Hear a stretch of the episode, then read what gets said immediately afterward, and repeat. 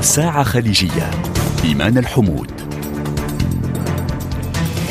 أعزائي المستمعين أهلا وسهلا بكم في حلقة جديدة من برنامجكم الأسبوعي الساعة الخليجية. برنامج نناقش فيه آخر قضايا الساعة في منطقة الخليج السياسية منها والاجتماعية مع ضيوف يواكبون الحدث ويسهمون في صناعته مرة أخرى. أهلا بكم.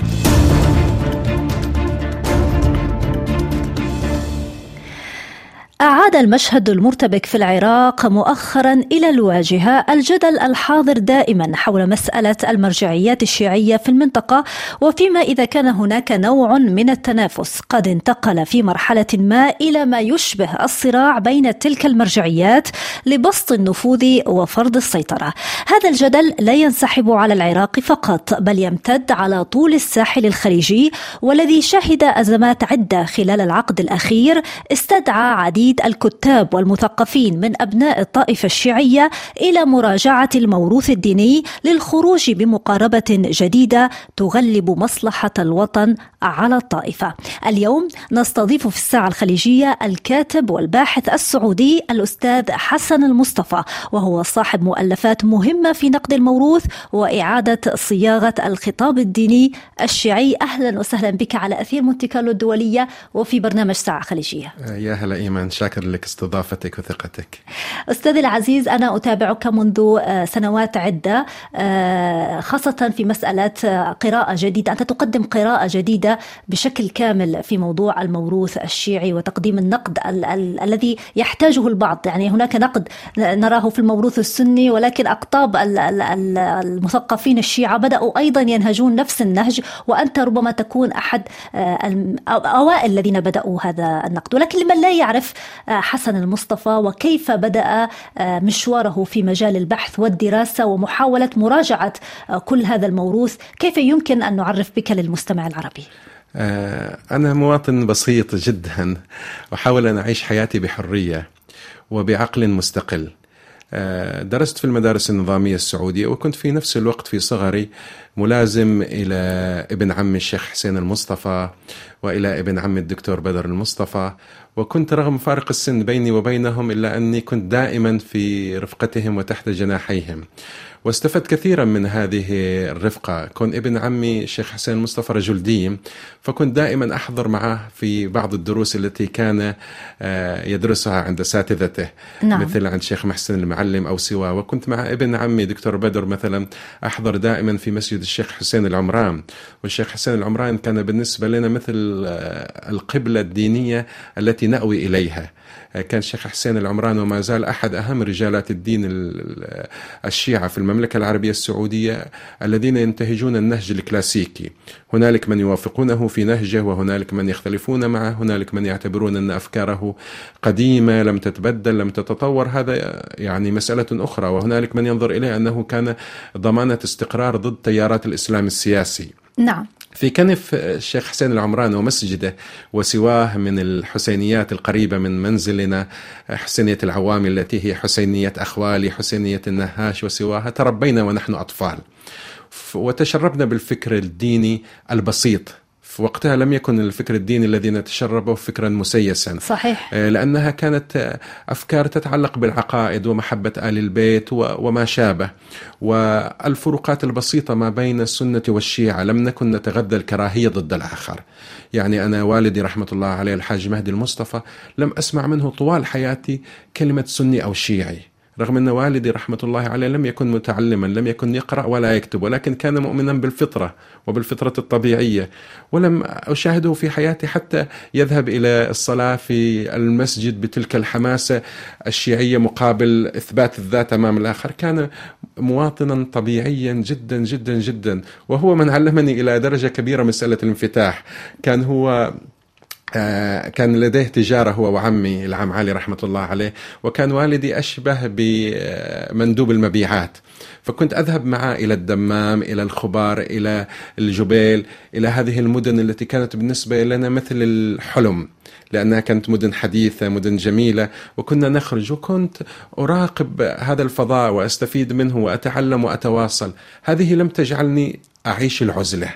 رغم أنها كانت حاجة بسيطة جدا لكن كانت بالنسبة لطفل يافع في وقتها تعني لي الكثير كنا نذهب بالتاكسي من مكان إلى آخر نعم، ووالدي. يسوق إلى المنتجات المؤسسة التي كان يمتلكها مع عمي رحمة الله عليهم هذه علمتني الكثير علمتني التواصل مع الناس فهمتني أن ليس هنالك عالما مرتكزا في القطيف وحسب بل هنالك عوالم أخرى. أخرى. ممتدة هذه الأمور شيئا فشيئا بدأت تتراكم في اللاوعي وبدأنا نتعلم أن هنالك أشياء أخرى في الحياة وفي نفس الوقت كنا تحت كنف الشيخ حسين العمران أو الشيخ منصور البيات وسواهم وكنا نهتم من عائلة والدي كان يهتم جدا بالتعليم ووالدتي كذلك والدتي لم تكمل تعليمها إلا إلى الصف الخامس أو السادس الابتدائي بسبب ظروف آه، يعني عائلية صحيح. على فكرة والدتي مثلا كان. كان والدها رجل دين وأول ما بدأ التعليم النظامي في المملكة العربية السعودية والدي والدها عارض التحاقها بالمدرسة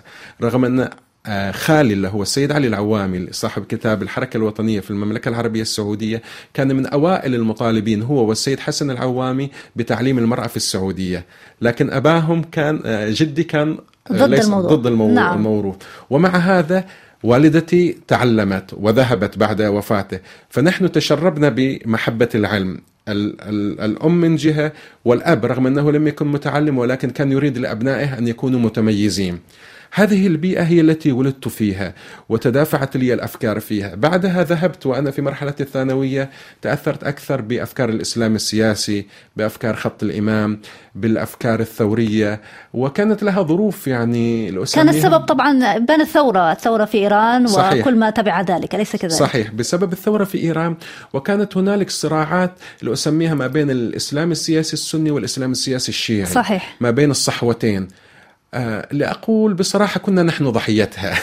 هذا الجيل جيل كامل جيل صحيح كامل تماما. صحيح. جيل كامل كان ضحية هذه الصحوتين التي اللي دمرت الناس. يعني مشكلة الصحوتين هذه إنها استخدمت في السياسة واستخدمت الدين واستخدمت الأيديولوجيا وعلمتنا جزء من آه، التخندق والتحزب اللي ما كنا عايشين فيه. تماما. هذه من بعد ضليت فيها سنوات استرعت من بعد مراجعات قراءات نقدية آه، مخالطة إلى مجموعة من الأصدقاء. آه، لما ذهبت مثلا للدراسة في الرياض رغم أني أنا خريج كلية آه، العلوم تخصص أحياء لكن كنت مثلا أذهب وأحضر محاضرات للدكتور معجب الزهراني للدكتور عبد الله الغدامي نوجه لهم تحية من هنا. طبعا. آه، وكنت على صداقات مع أصدقاء كثر. آه، أنا لا أحب التعبير السني الشيعي اعتبره أعتبرها فواصل يعني يعني غير طائفية، حقيقية طائفية. صحيح. ولكن إذا كنت ستتحدث من باب التوصيف كانت لي أصدقاء من مختلف الأطياف. وكنت منفتح على الذهاب إلى مختلف التيارات رغم أني وقتها ما زلت ضمن التيار الديني نعم ولكن كنا نحاول أن نخرج من هذه البوتقة. هذا الذي ساعدنا، تعرفت على كثير من الأصدقاء، تعرفت على مشاري الذايدي، منصور نقيدان، عبد الله بجاد العتيبي، ترك الدخيل، كل هؤلاء الأصدقاء وص- و- ويوسف الديني يعني والعذر لمن نسيت أسمائهم. ونوجه أيضا لهم تحية من هنا. طبعا يستحق التحية. هذا المخاض ال- ال- اللي عشناه سوية هو الذي دفعني في النهاية إلى أن أتجرأ وأنقد الموروث لأني لا أريد أن أعيش في قفص. أريد أن أكون إنسان حر أمارس حريتي في نقد الفكر الديني بشكل حر وفي نفس الوقت أمارس عملية التنوير إن استطعت إليها سبيلا. طب أنا عندي سؤال هل تفضلي. هناك آه، كثيرون من أبناء الطائفة الشيعية من سنحت لهم هذه الفرصة أم أنك تعتبر أو تعتبر نفسك محظوظ لأنك آه، يعني تمكنت من سلوك هذا الطريق؟ يعني هل هناك من إمكانية لأبناء الطائفة الشيعية ليحظوا بفرصة مثل التي حظيت فيها؟ في كثيرين عندهم هذه الفرصة وكثيرين آه، مارسوها وربما بشكل أكثر آه، جرأة أو تحرر مني ولكن جزء منهم لا يزالوا خلف الستار بمعنى لم يروا تفاصيل تجاربهم أو لا يريدوا أن يتحدثوا عن تلك التجارب بسبب لا يريدوا أن يصطدموا مع المجتمع أو لا يريدوا أن يدفعوا ثمن. رغم أن هذا الثمن الذي سوف يدفعوه هو تحصيل حاصل يعني لا, لا توجد هنالك حرية من دون ثمن. لا توجد هنالك استقلالية من دون ثمن. لا يوجد هنالك تنوير من دون أن نكون أشخاص شجعان في نقد الموروث. آه الآن العملية أكثر سهولة برأيي. يعني الآن مع التحول الذي يجري في السعودية يبدو بأن الموضوع كما تقول أسهل بكثير. صحيح الموضوع أسهل بكثير وبدأت بعض الأصوات تخرج وبعضها للأمانة منذ القدم هي موجودة علشان كمان لا أبخس الناس حقهم ولا أصور نفسي وكأنني أنا نعم. البطل الوحيد أو مجنون القرية الوحيد. ولكن هنالك الكثير من الأسماء التي بدأت تتشجع والأهم خليني أقول حاجة إيمان هذا النقاش اللي أتناقش معك الآن بشكل علني كنا نتناقش حتى في أوساط ما كان يعرف بتيار خط الإمام. وفي أوساط المتدينين أنفسهم. كانت عندنا هذه النقاشات الحادة والنقاشات المتنوعة والبعض مثلا كان يزعل يقول هذا حسن يقول آراء ما لها معنى وشلون يقول هذا الكلام وما يصير ويذهب هذا النقاش ويأتي. ولكن الأهم على الأقل مجموعة الأصدقاء الذين كنت معهم كانوا يحفظون هذا الود. وكانوا يحفظون هذه المحبة وكان اختلاف الرأي لا يفسد للود قضية. المشكلة تكون عندما تكون هنالك حدية في الرأي. إما أبيض وإما أسود. لا هنالك مناطق رمادية ووجودك في المنطقة الرمادية لا يعني أنك لا, لا لون لك أو لا طعم أو لا رائحة. أنا مع ان أنا الفكرة الموجوده لدي عن الطائفة الشيعية بأن لديهم قدرة على الاجتهاد قدرة على النقد قدرة يعني لديهم تقبل ربما للرأي المختلف أكثر من الطائفة السنية خاصة الفئة المتشددة في الطائفة السنية. لا أريد أن أقول أن طائفة أكثر من أخرى ولكن خليني أقول حاجة مفهوم الاجتهاد موجود فعلا. آه، لكن في ظروف موضوعية حدت من هذه القدرة على النقد. آه، هنالك آه، خليني أسمي الأشياء بمسمياتها. جزء لا بأس من الجمهور الشيعي لا أقول كل الجمهور ما زال يفكر بعقلية انعزالية بعقلية أن إحنا الأقلية أمام أغلبية سنية وبالتالي هذه الأقلية لابد أن تحافظ على حدودها الهوياتية على هويتها الخاصة وإلا سوف نذوب ولا تصبح لنا هويتنا أو النواة الصلبة التي نتمركز حولها نعم. هذا التفكير آه، إيش سببه؟ سببه كان الصراعات ما بين ما بين التيارات السلفية السنية وتحديدا التكفيرية التي كانت تكفر الشيعة والشيعية الكلاسيكية أو الشيعية السياسية. هذا الصراع وتحديدا آه، بعد سقوط نظام الرئيس العراقي السابق صدام حسين والغزو الأمريكي للعراق 2003 اشتعل بعد ظهور القاعدة داعش الميليشيات الشيعية في العراق اشتعل أكثر فأكثر. عوض أن يكون الغزو العراقي عفوا الغزو الأمريكي للعراق بوابة للتحرير كما كان يعتقد البعض صار بوابة للتخلص زاد الأمر سوءا. وبالتالي الاجتهاد الذي كان يفترض أن ينمو في جهة ما تحول إلى انعزالية من جهة أخرى وخوف دائم لدى المثقف الموجود مثلا في العراق أو السياسي الموجود في العراق وهذا بسبب وجود العمق الشيعي العراقي هذا العمق انعكس على شيعة الخليج. ومنهم شيعة السعودية بسبب عمليات كذلك التصفية التي كانت تحدث أيام أبو مصعب الزرقاوي, تماما. والقتل على الهوية هذا جعل الهويات أكثر انغلاقا على آه، بعضها البعض وبالتالي عندما تراجع أنت هويتك المذهبية البعض يعتبرك أن أنت جالس تكسر هذا آه، تكسر هذه الأواصر تضعف من قوتها. وبالتالي أوكي أنت عندك نقد قول النقد في الغرف المغلقة. اي صحيح. لا لا, لا يسمعه الآخرين. هذا تفكير سقيم وتفكير خاطئ. الجروح لكي تتداوى لابد أن تتطهر بأشعة الشمس القاسية والقاسية والقاسية. لا نخشى من وضع الملح على الجرح. الملح الذي يسقط على جروحنا هو مطر وغيث جميل من الله عز وجل سوف يشفينا ولن يعذبنا أكثر. جدا أعجبتني ربطك بين اجتياح العراق وبين ما حصل من العزالية. لم أسمع هذه وجهة النظر من قبل وهذه جدا يعني مفيدة ولفتة للنظر بالنسبة لي. لحظات فقط ونعود إليكم. ساعة خليجية.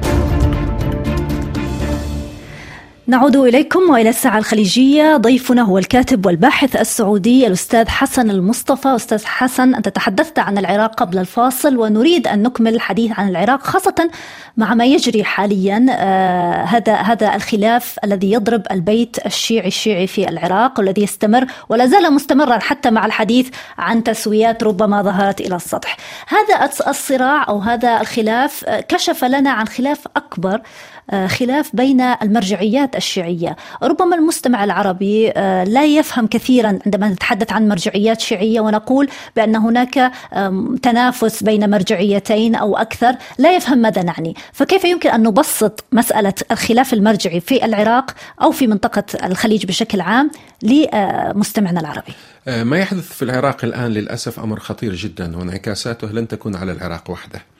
ولن تكون على البيت الشيعي وحده. سوف تكون انعكاساته لا سمح الله إذا استمر الخلاف وتحول إلى اقتتال. وأنا في مقال لي أشرت أن ما حدث هو أشبه بهدنة وربما يعود الاقتتال من جديد نهاية آه، شهر صفر بالعربي تحديدا بعد آه، انتهاء مراسم أربعين الإمام الحسين. نعم. خصوصا أن المعلومات المتوافرة أن كلا الفريقين التيار الصدري أو الإطار التنسيقي يحشدان أنصارهما ويتسلحان ويريد كل طرف أن يقضي على الآخر. هذا صحيح. نوع من الجنون ونوع من العبثية. حتى وإن استلم طرف منهم الحكومة سوف يسخر الدستور من أجل تكريس مصالحه وإلغاء الآخر. وهذه العبثية هي إعادة إنتاج للدكتاتورية. هم كانوا ينتقدون صدام حسين ويصفونه بالطاغية وبالدكتاتور. هم الآن يمارسون نفس الطغيان ونفس الدكتاتورية ولكن بالشكل أسوأ لأنها باسم الدين وباسم علي والحسين وفاطمة. وهنا الجريمة الكبرى. نعم. ما يحدث الآن تحديثا هو خلاف سياسي أكثر من ما هو ديني. مرجعيته سياسية وتعود إلى الإسلام السياسي الشيعي تحديدا لأن كلا التيارين آه، يتبنى وجهة النظر هذه. هنالك آه، نوع من عدم الفهم في الإعلام. البعض يعتقدون أن التيار الصدري لا يؤمن بولاية الفقيه. هذا غير صحيح. التيار الصدري يؤمن بولاية الفقيه وأغلبية التيار التنسيقي تؤمن بولاية الفقيه ولكن الفرق أي ولي فق... أي ولي فقيه, فقيه. نتبع. نعم. رحمة الله عليه السيد محمد صادق الصدر الذي كان مرجعا واغتيل سنة 1999 هو والد مقتدى الصدر. طبعا. وكان وأخبرني أحد الأصدقاء سمع منه مباشرة أنه عندما زاره في العراق قال له أنا الولي الفقيه مثل ما يقولوا بالعراقي. نعم. كان هو يرى نفسه أنه هو الولي الفقيه ولا وليس آية الله خمنائي, خمنائي في, في إيران. هذه الرؤية امتدت مع ابنه السيد مقتدى الصدر. مشكلة مقتدى أنه ليس بفقيه لا يملك أدوات الاجتهاد ولا ينظر إليه باحترام علمي داخل الحوزات العلمية. يعتبر كقيادي سياسي وزعيم ديني سياسي. في حين تقاليد حوزة النجف هي ضد الإسلام السياسي تماما. وضد أن يتولى علماء الدين السلطة في الدولة. ما يؤمن به آه، علماء النجف من السيد أبو القاسم الخوئي من الآن السيد علي السيستاني من الشيخ إسحاق الفياض هذه المدرسة آه، من السيد محمد سعيد الحكيم رحمة الله عليه يؤمنون بضرورة فصل الدين عن الدولة وليس عن الحياة. يكون الدين جزء من الحياة. بعيد عن السياسة. أحسنتي ولكنه بعيد عن السياسة. ولذلك حتى الراحل مرجع كبير جدا مثل السيد محسن الحكيم لم يكن مرتاحا جدا لانخراط أبنائه مثل السيد محمد باقر الحكيم وابنه السيد مهدي الحكيم في العمل السياسي. وسمعت من صديق سمع مباشرة من سيد محمد باقر الحكيم الذي هو يعني كان شخصية آه، عملت في الشأن السياسي حتى آخر يوم من حياته حتى اغتياله كان يقول لو عاد به الزمن لما انخرط في السياسة. وكان يتحدث عن إن إحنا انخرطنا في السياسة بسبب ظروف العراق ووجود شخصية مثل صدام. طبعا عندي سؤال يعني هو متى بدأ انخراط المرجعيات في السياسة؟ هل هو منذ بداية المذهب الشيعي؟ هل كان يعني في التاريخ كان انخراط المرجعيات في السياسة على اختلاف المدارس هناك مدارس تؤمن بذلك أو لا تؤمن أم أن انخراط المرجعية في السياسة بدأ مؤخرا يعني هي أصلا مفهوم المرجعية بما هو مفهوم مرجعي متكون كما هو في الشكل الحالي لم يبدأ إلا ربما في المئة عام أو مئة عام ونيف الأخيرة. نعم. كان هنالك فقهاء كبار يمارسون التدريس يمارسون الإفتاء يمارسون الكتابة والتعليم ولكن لم يكن هنالك الجهاز المرجعي كما هو موجود الآن. كان هنالك أنه آه، مثلا حسن عنده مسألة شرعية أمامه شخص فقيه يسأل المسألة الشرعية ويأخذ منا الفتوى. مش بالضرورة أن يلتزم بفتوى فقيه معين. الذي حصل أن هنا أصبح هنالك التزام بفتوى بعض الفقهاء المحددين. من بعد تطور الأمر إلى أن أصبح هذا الفقيه لديه ما يشبه الجهاز أو نعم. الفريق الصغير. صحيح. بعدين تطور أن أصبح لديه ما يشبه المؤسسة. بعدين تطور إلى صورة المرجعية التي نراها الآن. من قبل كان يحدث بعض التدخل السياسي آه، المرجعي ولكن كان في القضايا الكبيرة والقضايا العامة جدا. من باب حفظ النظام من باب منع الاقتتال الأهلي من باب ما يسميها الفقهاء في في في رسائل العملية حفظ بيضة الإسلام لكي لا تكسر بيضة الإسلام كان لديهم هذا التعبير القديم. نعم. وكانوا بالتالي يتدخلون عندما آه، كما يقال آخر العلاج الكي. لم يكن يتدخلون كما هو حاصل الآن مثلا كانوا يتدخلون لحل الأزمات كما فعل السيد السيستاني مؤخرا. صحيح كانوا يتدخلون لحل الأزمات وليس لممارسة العمل السياسي اليومي كما هو شأن مثلا آية الله خمنائي أو من قبله مؤسس الثورة في إيران السيد روح الله الخميني نعم. هنالك فرق ما بين هاتين المنهجيتين المنهجية التي أسس لها الخميني وأعطاها الكثير من الزخم تختلف تماما عن المنهجية حتى لشخصيات تدخلت في السياسة مثل السيد محمد عفوا السيد محسن الحكيم. مفهوم. وكذلك هنالك شخصيات تمارس هذا النوع من السياسة المرجعية مثل الراحل السيد محمد الشيرازي أو الآن السيد محمد تقي المدرسي. هذا النوع من المرجعيات تخلط ما بين الإسلام السياسي الشيعي وما بين الفتوى. مرجعية النجف الكلاسيكية؟ لا. ترى أن ذلك فيه ضرر على الإسلام وضرر على السياسة. ولذلك يجب أن يتولى السياسة شخصيات مدنية وليس شخصيات محسوبة على الحوزة العلمية. ولكن مع دخول كل هذه الشخصيات في المعترك السياسي هل بقت حوزة النجف بعيدة عن السياسة؟ يعني هي مضطرة في لحظة من اللحظات أن تتدخل يعني. صحيح. مع, وجود كل هذه الشخصيات المتداخلة داخل ال- صحيح. للأسف هي مضطرة أن تتدخل ولكن لأ- لأقول يجب أن نكون حذرين جدا. أنا وجهة نظري الشخصية دخول الدين في السياسة أمر خطر جدا. إذا إذا كان هنالك اضطرار لأن يتدخل المرجع الديني الأعلى يجب أن يكون تدخله تدخل أبوي تدخل روحي تدخل استرشادي كما يمارس البابا ذلك في الفاتيكان. يجب أن لا يحل المرجع محل الدولة. مشكلة العراق أنه للأسف الدولة هشة الدولة ضعيفة الدولة تنتهبها الميليشيات وتنتهبها آه، الأحزاب. هذا الذي جعل السيد السيستاني مثلا يتدخل بعيدا عن الإعلام. إذا لاحظت الفترة الأخيرة صحيح، في الأزمة الأخيرة صحيح. تدخل بصمت وبهدوء بعيدا عن الإعلام لأنه لا يريد كذلك أن يقحم نفسه في السياسة أكثر ولا يريد أن يؤيد طرفا على آخر ولا يريد كذلك أن يضعف حكومة السيد مصطفى الكاظمي. المسؤولية مسؤولية السيد مصطفى الكاظمي رئيس الحكومة. لكن لنكن صريحين الحكومة في العراق لا تستطيع أن تجابه التيار الصدري ولا تستطيع أن تجابه الإطار التنسيقي. آه، ما حدث من اقتحام إلى البرلمان أو لمؤسسات الدولة هذا أمر مشين لا يقبل به أحد. وكذلك ارتهان التيار عفوا الإطار التنسيقي إلى السلاح وإيمانهم بأجندات خارجية وعلاقتهم مثلا مع إيران هذا يهدد الدولة. كلا التيارين أنا في رأيي كلا التيارين للأسف. التيار الصدري والإطار التنسيقي لم يحترما الدولة وساهم في تهميش الدولة و اضعاف مؤسساتها وهذا ما لا تريده النجف. وما لا يريده تحديدا السيد السيستاني. هو يريد للدولة أن تكون قوية وأن تكون هنالك مؤسسات. وهذا ما يعني دفع به إلى الطلب من السيد عمرو موسى عندما التقاه ألا تلقوا بنا في أحضان إيران. لأن إلقاء العراق في حضن إيران معناه أن العراق لن يكون لديه قرار ومؤسسات الدولة لن تكون قوية وبالتالي سوف يكون مرتهم إلى القرارات الخارجية والمصالح الخارجية أليس هذا متأخرا؟ ألم يفت الأوان على ذلك؟ آه لا آه السيستاني للأمانة قال الكلام باكرا ولكن للأسف لم تتخذ خطوات جدية حتى الساعة نعم. لم تتخذ خطوات جدية حتى الساعة. ما فاقم الأزمة وجعلها تذهب بعيدا وكرة النار تتدحرج وتكبر يوما بعد آخر.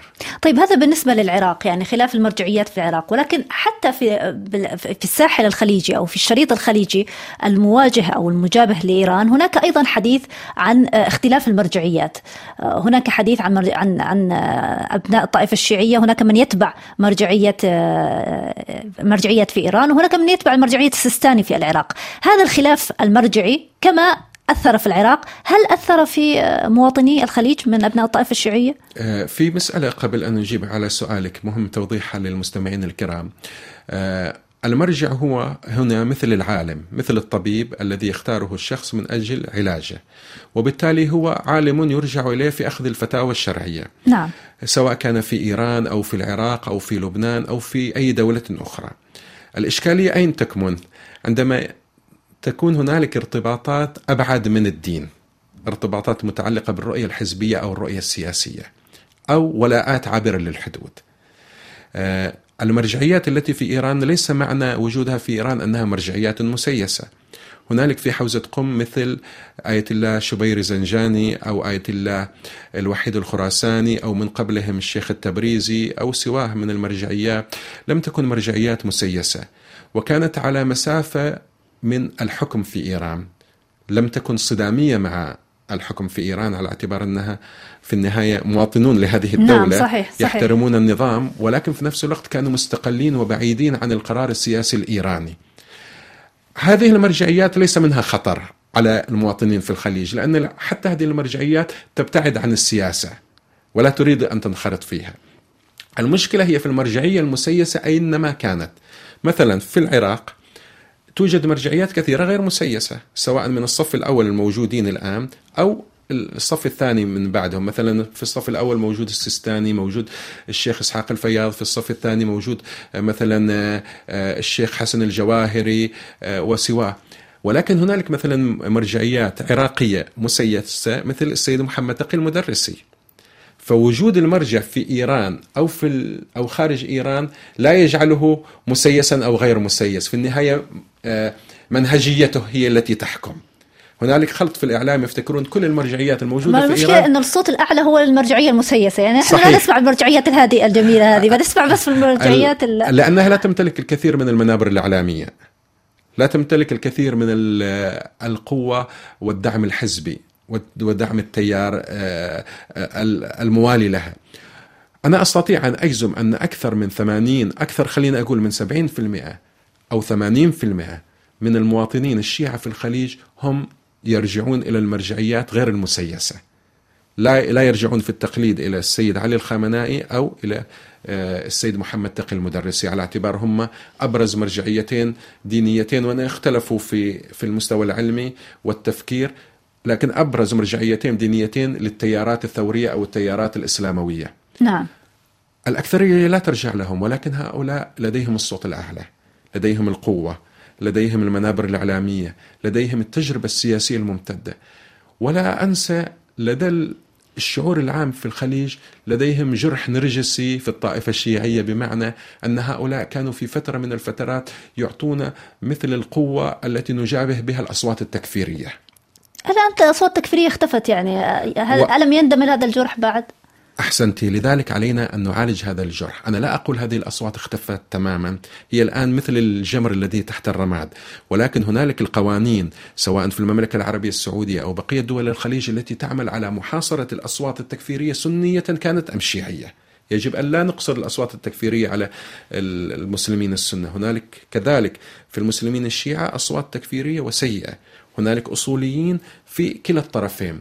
لا نحمل طرف يعني واحد نعترف بأن ليس لديهم منابر كالمنابر الأخرى يعني. صحيح. وبالتالي هذه الأصوات يجب أن ننتبه لها. الآن الآن مثلا بعض هذه الأصوات الأصولية تحولت من من بعض الأدوات القديمة التي كانت تس يعني تمارس من خلالها عملية التحشيد إلى أصوات جديدة في في ال social media إلى أدوات جديدة. صحيح. آه، يعني التيارات السرورية أو الإخوان أو سواهم أو حتى تيارات مثل حزب الله الحجاز أو سواهم لما انتبهوا أن هنالك آه، محاولة تضييق, تضييق على الأصوات الراديكالية في الفضاء العام ذهبوا إلى قنوات أقل يعني آه، حساسية وبالتالي يمارسون من خلالها بث أفكارهم مثل ماذا قنوات أقل حساسية؟ آه استخدامهم مثلا للبودكاست بطريقة أو بأخرى. آه صحيح. استخدامهم مثلا إلى جروبات الواتساب استخدامهم إلى تيك توك استخدامهم إلى سناب شات.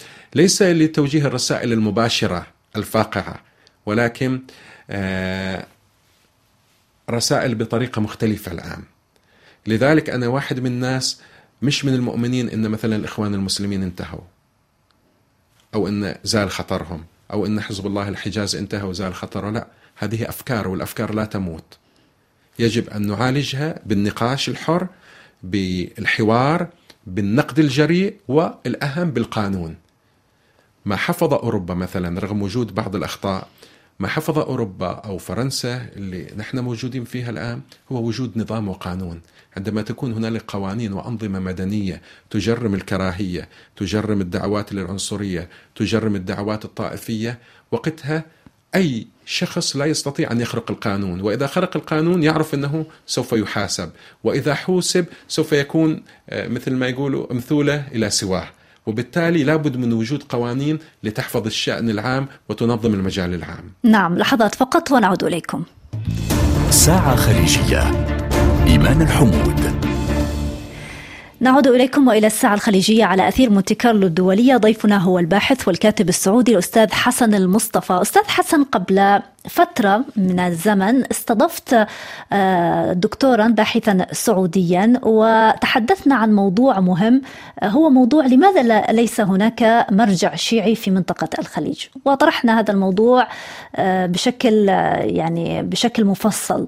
لا أدري إذا كان لديك وجهة نظر حيال هذا الموضوع. يعني السؤال دائما دا يعني داخل رأسي يدور لماذا لا يكون هناك مرجع مرجع شيعي خليجي؟ لماذا على شيعة الخليج أن يتبعوا مرجعيات في إيران أو مرجعيات في العراق؟ آه، من قبل كانت هنالك بعض المرجعيات المحلية لو أسميها في الخليج.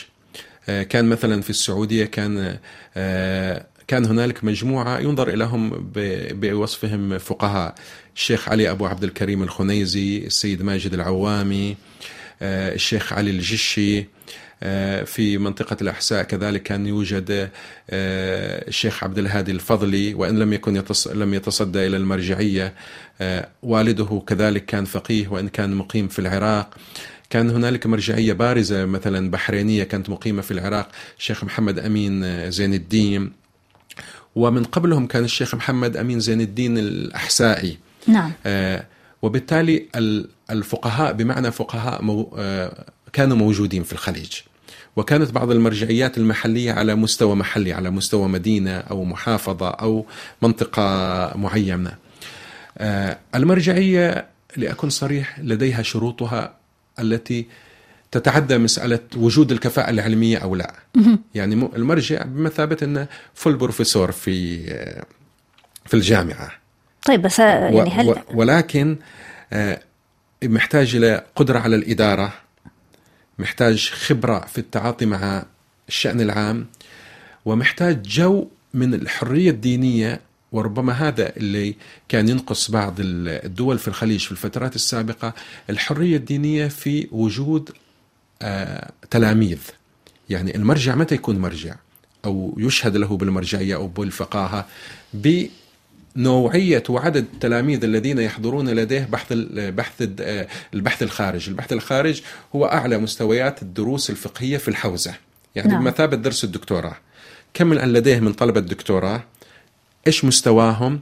هذول هم اللي راح يشهدوا له بأن هنالك أستاذ أعلى.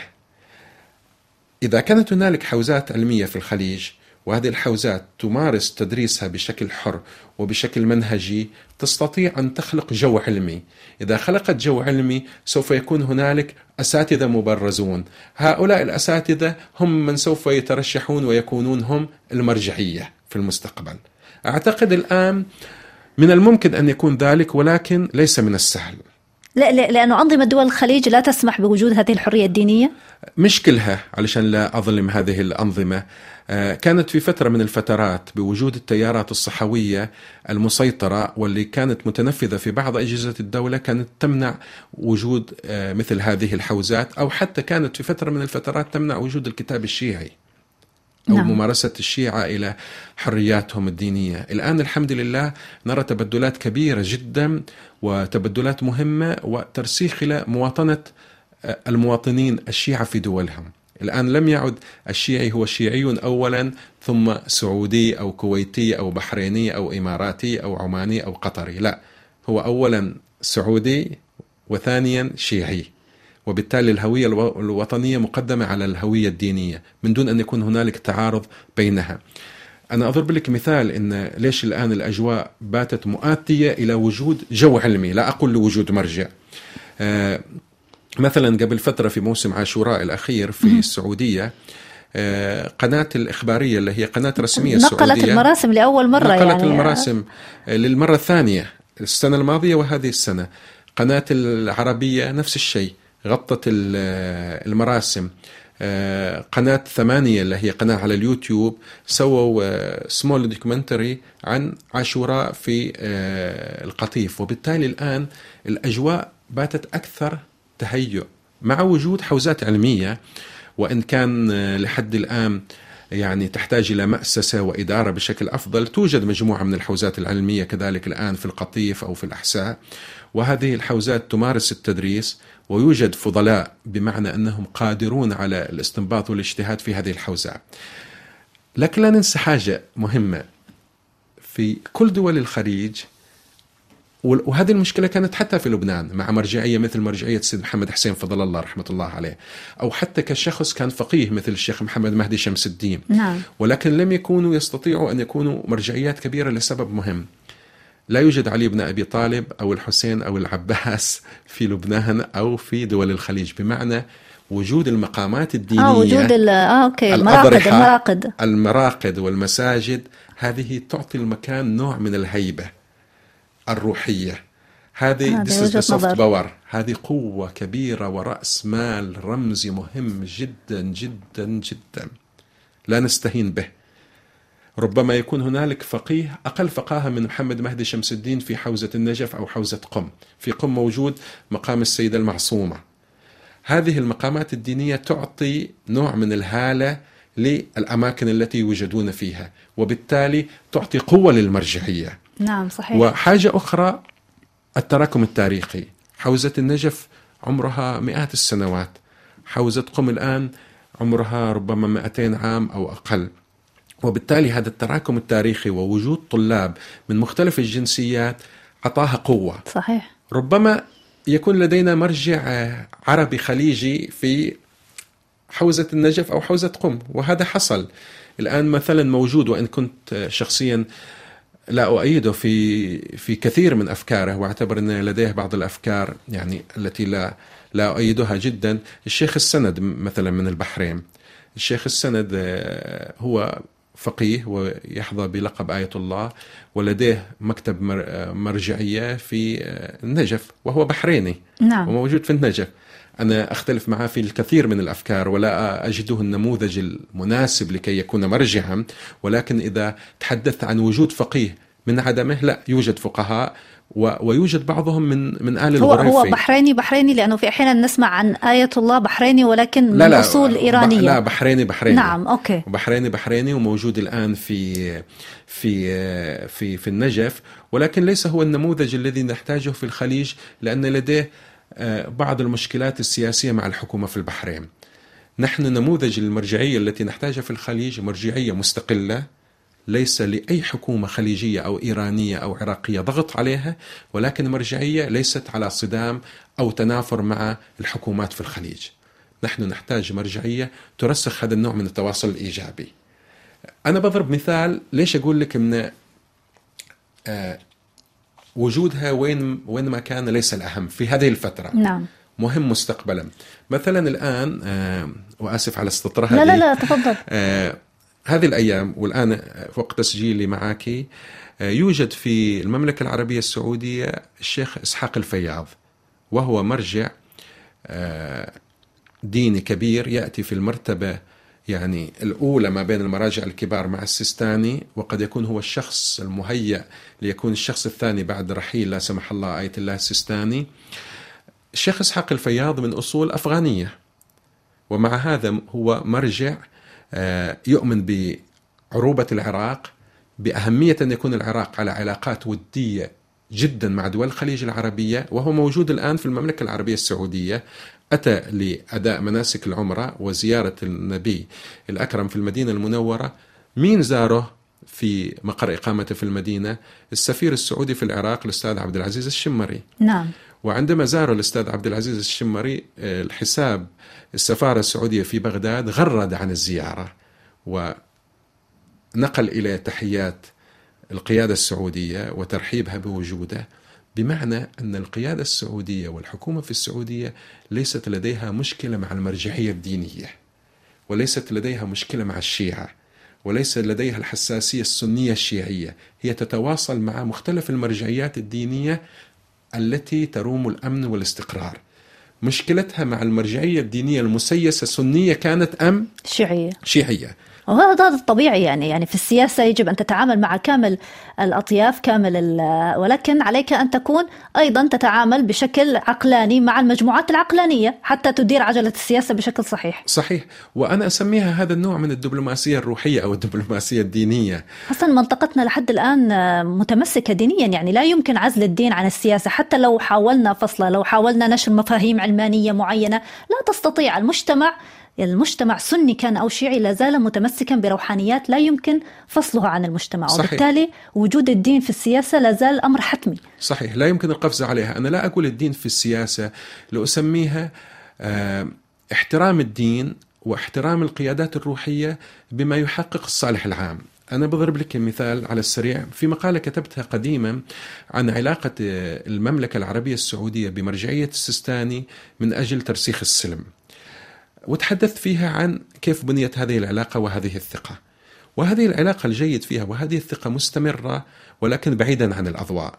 مثلا في موسم الحج الفائت آه، أتت بعثة السيد السيستاني وبعثة المرجعيات الشيعية الأخرى سواء من العراق والنجف وأكرر غير المسيسة وكانت محل ترحاب من الحكومة السعودية وكانت هنالك شخصية سعودية عاقلة وحكيمة ومتزنة وبعيدا عن الأضواء تحظى بثقة, بثقة الحكومة في المملكة العربية السعودية وبثقة المرجعية في النجف نعم. هي كانت بمثابة حلقة الوصل ما بين الجهتين وكانت تنقل الرسائل الإيجابية آه، تسهر على احتياجات البعثة البعثات ما يحتاجونه من الحكومة السعودية توفره الحكومة لهم من التسهيلات الأمنية من التسهيلات اللوجستية من الخدمات هذا الأمر مهم جدا لأنه ينعكس عندما ترجع هذه البعثات إلى إيران وإلى العراق. عندما يتحدثون عن حسن الضيافة وحسن الاستقبال، عندما يتحدثون عن التغيرات الإيجابية الحاصلة في دول الخليج وفي المملكة العربية السعودية تحديدا، عندما يتحدثون عن تجاوز المملكة للخطاب الطائفي سياسيا. لا أقول تجاوزناه شعبيا بدرجة آه، مئة بالمئة. أحسنت. في هذه الحالة نمارس نوع من التكاذب على أنفسنا. لا المشوار طويل. هذا هو السؤال هذا هو السؤال يعني آه، الدول في منطقة الخليج تحاول خاصة بعد العشر سنوات الأخيرة تحاول رأب الصدع تحاول إيجاد القوانين أنت ذكرت قبل قليل التي تحد من ارتفاع منسوب الطائفية لكن شعبيا على المستوى الشعبي بعيدا عن الدولة بعيدا عن النظام. هل يعني المجتمع متقبل؟ يعني مؤخرا كان هناك عمل فني مثلا تحدث عن فكرة بسيطة فكرة زواج آه، شيعية من سني يعني وحدث يعني يعني يعني جدل كبير حول هذا العمل بأنه الناس لا لا, لا تتقبل الموضوع. يعني موضوع التمازج بين آه، شعبيا بين الطائفتين الشيعية والسنية لا زال بعيد المنال. ما رأيك؟ آه إذا أبعدنا الدين عن السياسة أولا وأبعدنا رجال الدين المسيسين ورجال الدين الطائفيين. وأبعدنا السياسيين عن اللعب بورقة الدين وتركنا المجال إلى الناس. راح نلاحظ أن الناس راح يكونوا أهدأ راح يكونوا أكثر عقلانية راح يكونوا أكثر تقبل إلى الآخر. خصوصا إذا ركزنا على النماذج الإيجابية وأظهرناها أو إذا ركزنا على وحدة المصير. أنا سعودي في النهاية. كنت سني كنت شيعي كنت صوفي كنت شرقاوي كنت جنوبي كنت من الوسطى كنت من أي منطقة. أنا عندي بلد اسمه السعودية. هل أريد أن أبني وأحافظ عليه أو, أو نريد أن نتقاتل بسيوف من الجاهلية؟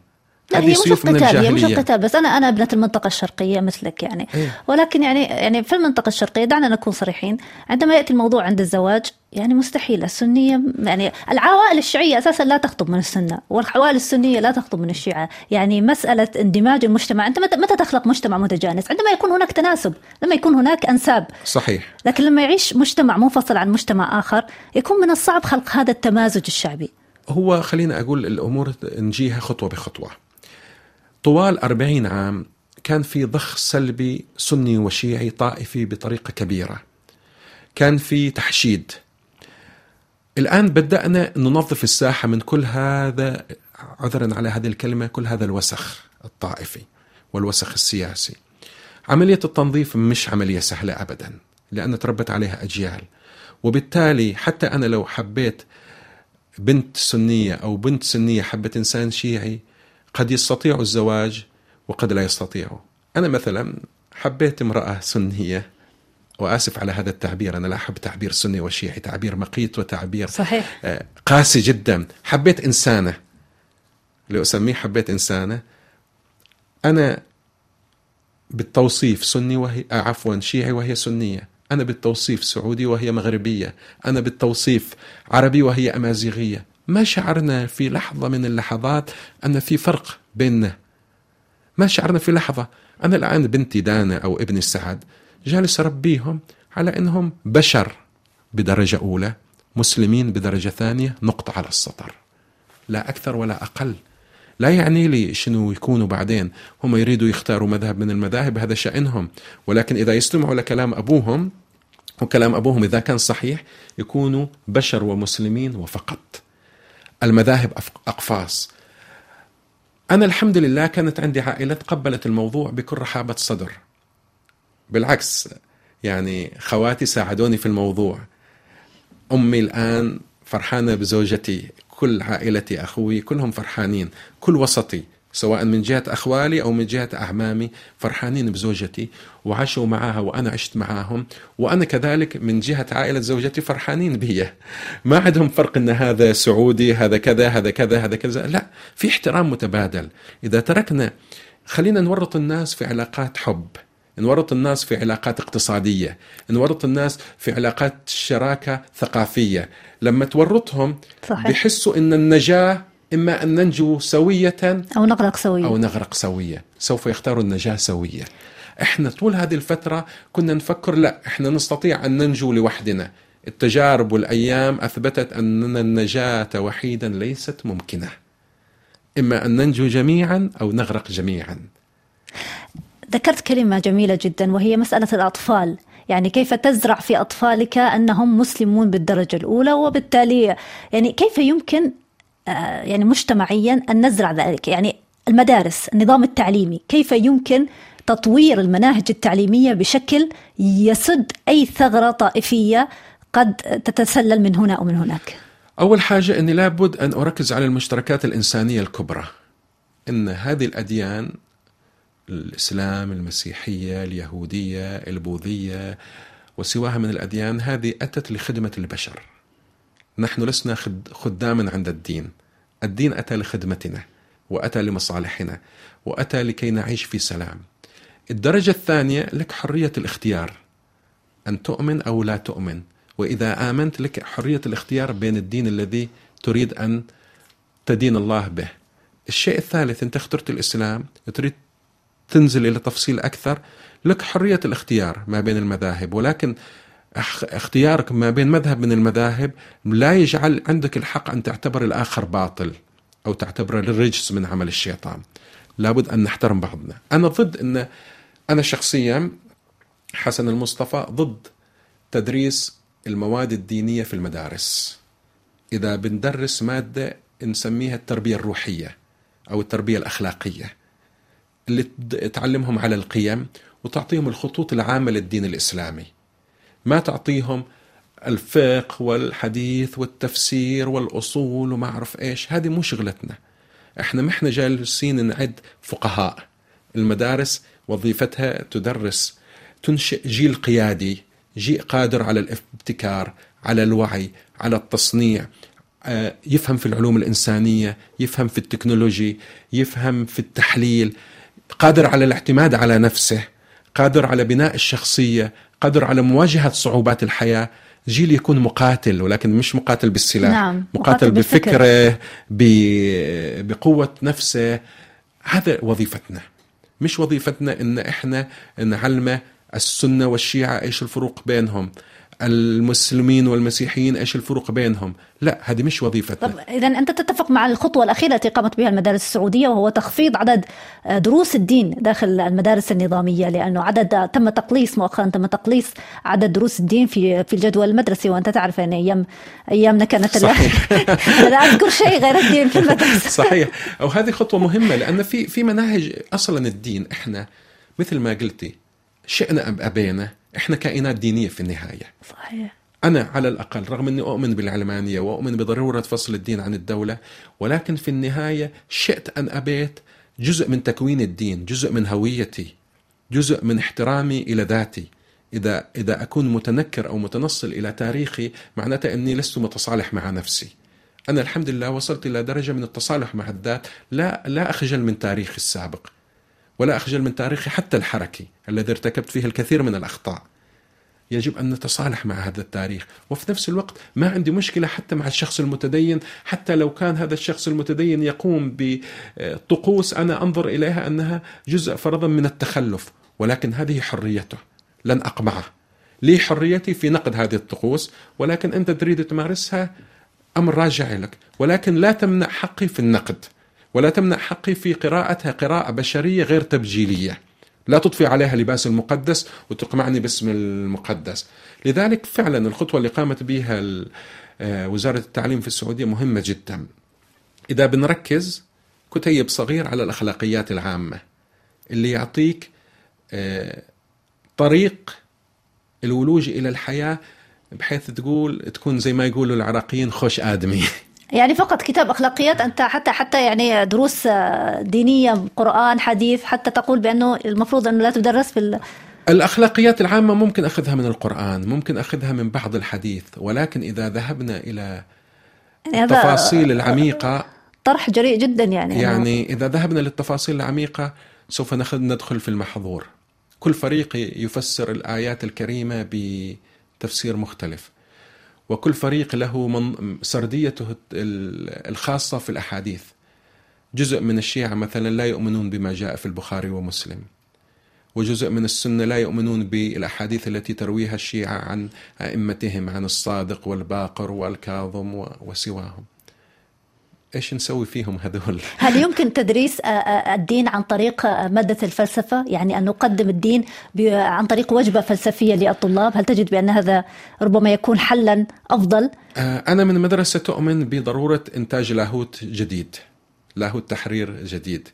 وأنا شخصيا تأثرت وعادت لي توازني الديني والروحي عندما قرأت كتابات لشخصيات مثل مصطفى ملكيان ومجتهد الشبستري وعبد الكريم سروش وتحديدا مصطفى ملكيان وفي هذا المجال يعني أشكر الصديق والاستاذ عبد الجبار الرفاعي اللي عمل على تقديم الكثير من النصوص المترجمة صحيح. لهؤلاء المفكرين.